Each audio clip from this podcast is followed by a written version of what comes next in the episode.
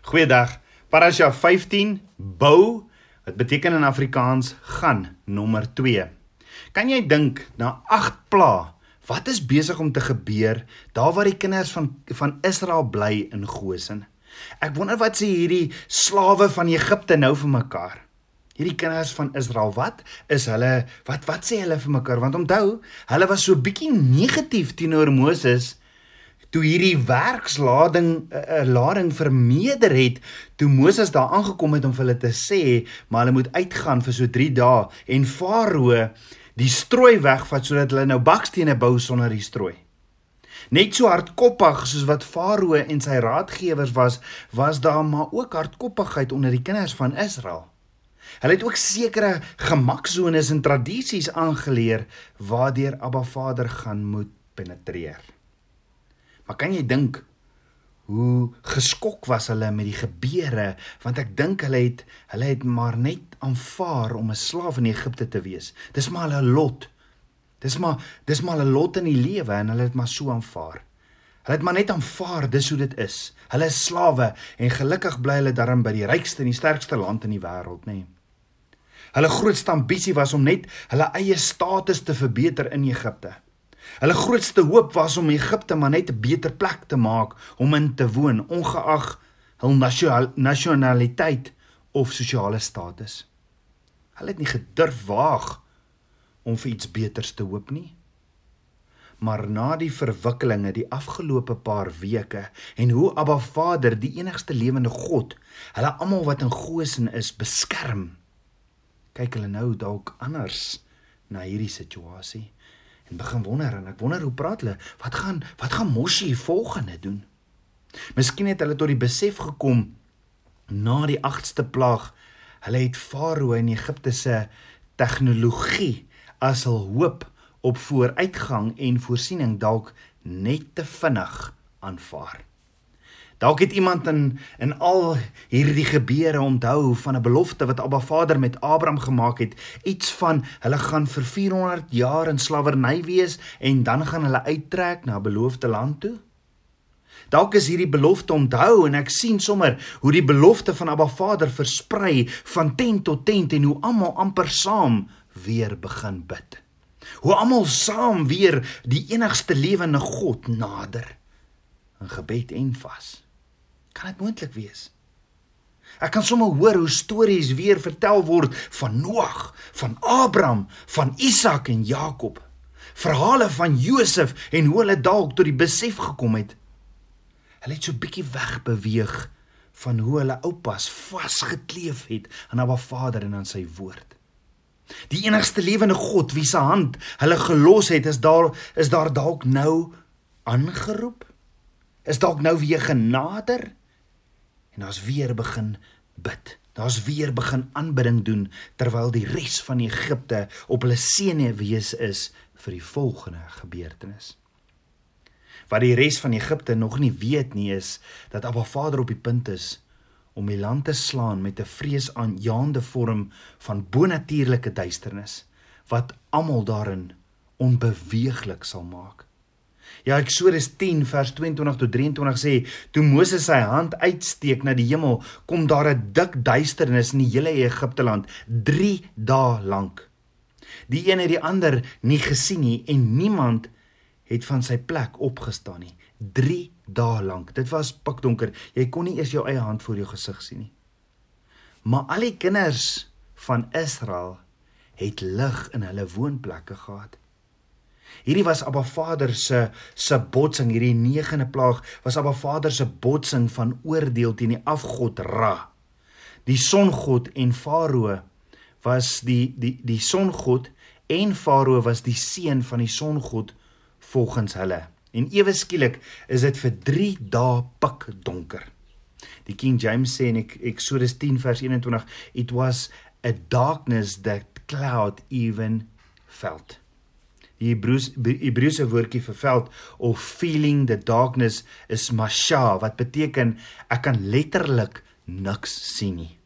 Nou hierdie lig in Hebreëus is nie 'n kerslig of 'n olielampie se lig of selfs 'n vuur wat brand se lig nie. Maar die Hebreë woord is or wat in Hebreëus beteken bo natuurlike lig. Die definisie van hierdie bo natuurlike lig is an illumination of joy like the brightness of the morning sun and the morning light. Die Egiptenare was 3 dae lank, 72 uur in hierdie duisternis. Dit was so donker, jy kon nie van jou plek af opstaan nie. Almal was stom geslaan en blind in hulle eie huise, heeltemal onbekwaamd. Moeders kon nie eers hulle eie kinders sien nie, kinders kon nie eers hulle eie ouers sien nie en niemand het geweet of hulle ooit weer sou sien of beweeg nie. Daar was nie kragopwekkers nie. En hierdie die Hebreëse woord vir hierdie duisternis is goshech. Hierdie woord verskyn ook in Genesis 1 vers 2 wat sê en die aarde was woes en leeg en duisternis was op die wêreldvloed en die gees van God het gesweef op die waters. Die duisternis wat Egipte getref het vir 3 dae lank was soos die duisternis wat oor die aarde was toe alles nog woes en leeg was. In hierdie soort uh, duisternis lei wanorde tot verwarring en verwarring tot chaos. En dit bring jou tot totale stilstand om agter te kom en om oor na te dink wat het hier afgelope paar weke gebeur. Dit los jou wagtend op Abba Vader met hoop want wanneer jy tot stilstand gebring is en jy's wagtend op Abba Vader dis net dan wanneer hy homself aan jou kan bekend maak. In Psalm 18 vers 12 staan: Duisternis het hy sy skuilplek gemaak, sy hit rondom hom, duisternis van waters, digtes van wolke. Dan sê Psalm 18 vers 14: En Jahweh het in die hemel gedonder en die Allerhoogste het sy stem laat hoor, haal en gloeiende kole. Met ander woorde in hierdie duisternis is jy wagtend om te hoor wat gaan die Skepper van die hemel en aarde volgende doen of sê. Ons kan ook later sien As Abba Vader met sy kinders praat by die berg Sinai, dan is daar ook hierdie duisternis, Gosheg, want Deuteronomium 4 vers 11 sê, toe het hulle nader gekom en onder aan die berg gaan staan en die berg het met vuur gebrand tot in die middel van die hemel, met duisternis, wolke en wolke donderheid. So wat het Abba Vader vir sy kinders gegee by berg Sinai? Nou weer sy woord. Johannes 1 vers 1 sê dan ook: In die begin was die woord en die woord was by God en die woord was God. En dan sê Johannes 1 vers 14 en die woord het vlees geword en het onder ons gewoon en ons het sy heerlikheid aanskou, 'n heerlikheid soos van die enige gebore wat van die Vader kom, vol van genade en waarheid. Met ander woorde hoor gege, uit hierdie duisternis, Gosheg, kom daar ook 'n openbaring van Yeshua. Yeshua sê in Johannes 8 vers 12 ek is die lig van die wêreld. Wie my volg sal sekerlik nie in die duisternis wandel nie, maar sal die lig van die lewe hê. En dan sê Eksodus 10 vers 23b, maar al die kinders van Israel het lig in hulle woonplekke gehad. Met ander woorde die kinders van van Abba Vader het teruggekeer na Abba Vader toe, na 'n verbondsverhouding toe. Hulle het hom genader. Hulle het reageer op die heilige eenheid. So die lig waarin die kinders van Abba Vader wandel in Goshen terwyl daar hierdie duisternis is oor die aarde, was nie sonlig nie, nee. Let wel, die woord sê nie dat die dat die dorp Goshen verlig is nie. Nee, wat verlig word is binne in die woonplekke. God with us. Die een wat beloof het en wat vas staan op sy woord. Hy is met hulle en daar is hoop. Dieselfde woord verlig Hier is ook die woord wat gebruik word vir die vuurkolom wat snags voor die Israeliete was in die nag uit die tabernakel uit God with us. In Egipte is daar duisternis want die skepper van hemel en aarde was besig om hierdie hoofgod van Egipte te oordeel. En vandag nog is daar hierdie skeiding tussen die koninkryk van lig en die koninkryk van duisternis. Ja, Handelinge 26 vers 17 tot 18 sê terwyl ek jou verlos uit die volk en die heidene na wie ek jou nou stuur om hulle oë te open dat hulle hul van die duisternis tot die lig kan bekeer en van die mag van Satan tot God sodat hulle deur die geloof in my vergifnis van sondes en 'n erfdeel onder die heiliges kan ontvang. Toe hierdie negende plaag Egipte tref, Toe's daar hierdie skeiding tussen Abba Vader se kinders in die lig en die Egiptenare in die duisternis. Die wat weier om Abba Vader te aanbid en wat het Abba Vader nou weer vir Moses gesê? Hierdan sal jy weet dat ek die enigste lewende God is, Yahweh. Tabernakelskind van Abba. Glo jy Abba Vader is met jou in jou situasie vandag? Glo jy dat al lyk die wêreld hoe donker weens siekte, weens koronavirus, glo jy Abba Vader is in beheer en kan en wil met jou praat? Hoor gou, daar staan in Eksodus 10 vers 24 tot 26. Toe het Farao Moses laat roep en gesê: "Gaan heen, dien die Here, net julle kleinvee en julle beeste moet ag agtergehou word, selfs julle kinders kan met julle saamgaan." Ek herhaal gou weer, hoor wat sê wat sê Farao vir Moses want hy roep vir Moses, hy sê: "Gaan dien dan julle, gaan dien dan julle God Jahweh." Net en dan, en dan gee hy hierdie beperking, net julle klein vee en julle beeste moet agtergehou word. Selfs julle kinders kan met julle saamgaan.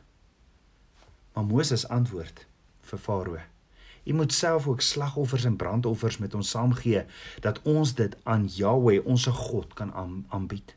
En ons vee moet ook met ons saamgaan. Daarom mag geen klou agterbly nie, want daarvan moet ons neem om Jahweh, ons God te dien.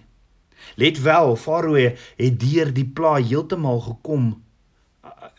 Let wel, Farao het deur die pla heeltyd gekom met kompromieë. In die begin het Moses vir Farao gesê, "Ons wil 3 dae in die woestyn ingaan en ons wil Jahwe, die enigste lewende God, aanbid en vir hom offers vat. Laat ons laat ons om te trek." En Farao sê, "Vergeet dit." Dan na die 4de plaag, die steekvlee, sê Farao: "Goed, julle kan offers vir Jahweh gee, maar doen dit sommer hier in Egipte." En Moses sê vir hom: "Farao sê vir Farao in Eksodus 8 vers 26 tot 27: "Nee, want dit sal 'n gruwel wees vir die Egiptenare." En as ons iets wat 'n gruwel is vir die Egiptenare voor voor hulle oë offer, sal hulle ons stenig. Met ander woorde, Moses sê: "Nee, dis nie wat Abba Vader gesê het nie." Net so kom die vyand vandag nog met soveel kompromieë. Een ding wat Moses ons leer is, jy kan nie kompromie kompromieë sluit as jy die karakter van Jahweh dra of leer nie. Dis van maak 'n besluit, gaan jy Abba Vader gehoorsaam, Shema, Heer listen of by of nie? Moenie kom met kompromieë nie. 99% is nie gehoorsaamheid nie. Paulus sê in 2 Korintiërs 2 vers 14: Soos jou kennis van Abba Vader uitbrei, gaan dit 'n aangename geur wees, maar vir die wêreld sal dit soos 'n doodsreek wees. En daarom sê Moses, gaan dit die Egiptenare aanstoot. Hulle gaan aanstoot neem as hulle vir Jahweh 'n offer bring hier in Egipte. Net so vandag. As jy 'n passie het vir Abba Vader, sal dit 'n lewensgeur wees vir die wat gered is, maar vir die Egiptenare of die wêreld in die duisternis sal dit 'n doodsreek wees. Sal nie verstaan nie. Dan ook ek kan nie 'n offer bring aan Abba Vader as ek nie bereid is om met Egipte en met afgode in my lewe te wil breek nie. Idols in my lewe wil breek nie. En Abba Vader vra vandag vir jou en vir my sal jy bereid wees om elke afgod of idol, enige iets wat belangriker in jou lewe is as hy neer te lê? Sal jy sy aangesig soek en hom aanbid in waarheid en in gees? Dan hoor gou-gou, na die 8ste plaag, die plaag van die sprinkane, vra Farao in Eksodus 10 vers 8 tot 10 vir Moses: "Gaan heen, dien die Here julle God. Wie is dit eintlik wat wil gaan?" En Moses antwoord: Ons wil gaan almal met ons kleinvee en ons beeste, ons wil gaan. Ons wil ons wil 'n fees vir Jahweh hou. Toe sê Farao: Gaan dan julle manne en dien die Here, want dit het julle verlang. Met ander woorde Farao sê die mans kan gaan, maar die vrouens en die kinders bly. En toe draai Moses sy rug en loop want die vyand sal altyd kom met kompromieë. Dan na die 9de plaag soos ons nou net bespreek het, roep Farao weer vir Moses en sê: "Oké, okay, julle kan die vrouens en die kinders saamvat, maar los net al die diere hier." Moses sê: "Vergeet dit, want die diere is ons offers wat ons aan Jahwe Elohim gaan bring." Hoor wat sê Moses vir Farao in Eksodus 10 vers 26. Daar sal geen klou agterbly nie, Farao. Jy sien dis dis is waarvoor Jahweh ons roep. Dit is waarvoor Abba Vader ons roep. Ons dien alles of niks God nie. Ons kan nie met een voet in die wêreld staan en een voet langs hom nie. Moses het 'n Moses het 'n hart van Abba Vader, ek sal alles surrender om U te gaan aanbid. En die vraag is: Is ek en jy bereid om alles te gee?